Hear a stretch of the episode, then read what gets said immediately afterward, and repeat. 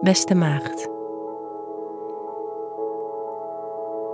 Deze week begint met een nieuwe maan, die voor jou sterk gaat om het loslaten van het oude en het omarmen van het nieuwe. De rest van de week staat in het teken van je positie op je werk en je gezondheid. Het kan een intense, maar interessante week worden.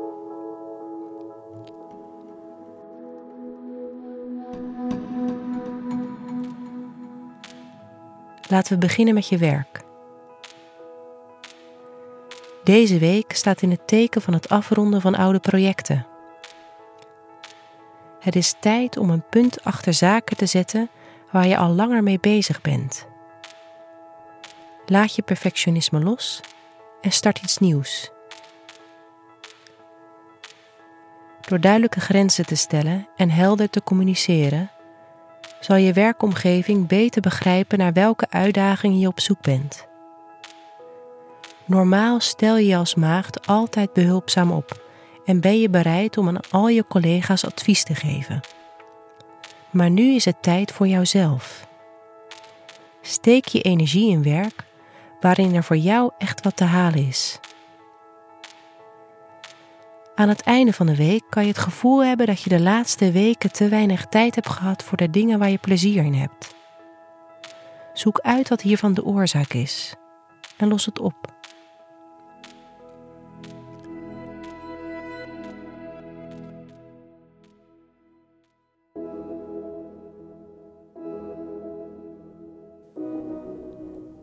Hoe staat het met je persoonlijke relaties?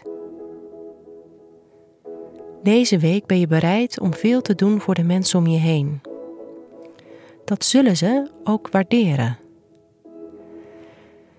Tegelijkertijd is het goed om niet alleen maar bezig te zijn met wat jij voor anderen kan betekenen, maar ook om zelf hulp te vragen. Juist deze week is het zinnig om te delen wat er in je omgaat. Want op maandag en aan het einde van de week kunnen er spanningen ontstaan rond hoe je in je vel zit. Mogelijk neem je alles te zwaar op. Juist om die reden is het goed om je naaste aan te spreken, zodat je niet te veel in je eigen wereld wegzinkt.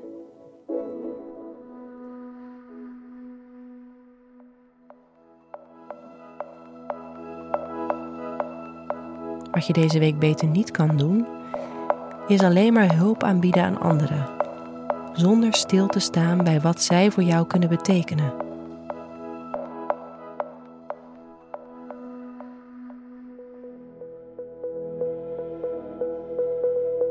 Wat wel een goed idee is voor deze week, is duidelijke keuzes maken en een punt zetten achter zaken die je geen plezier meer geven.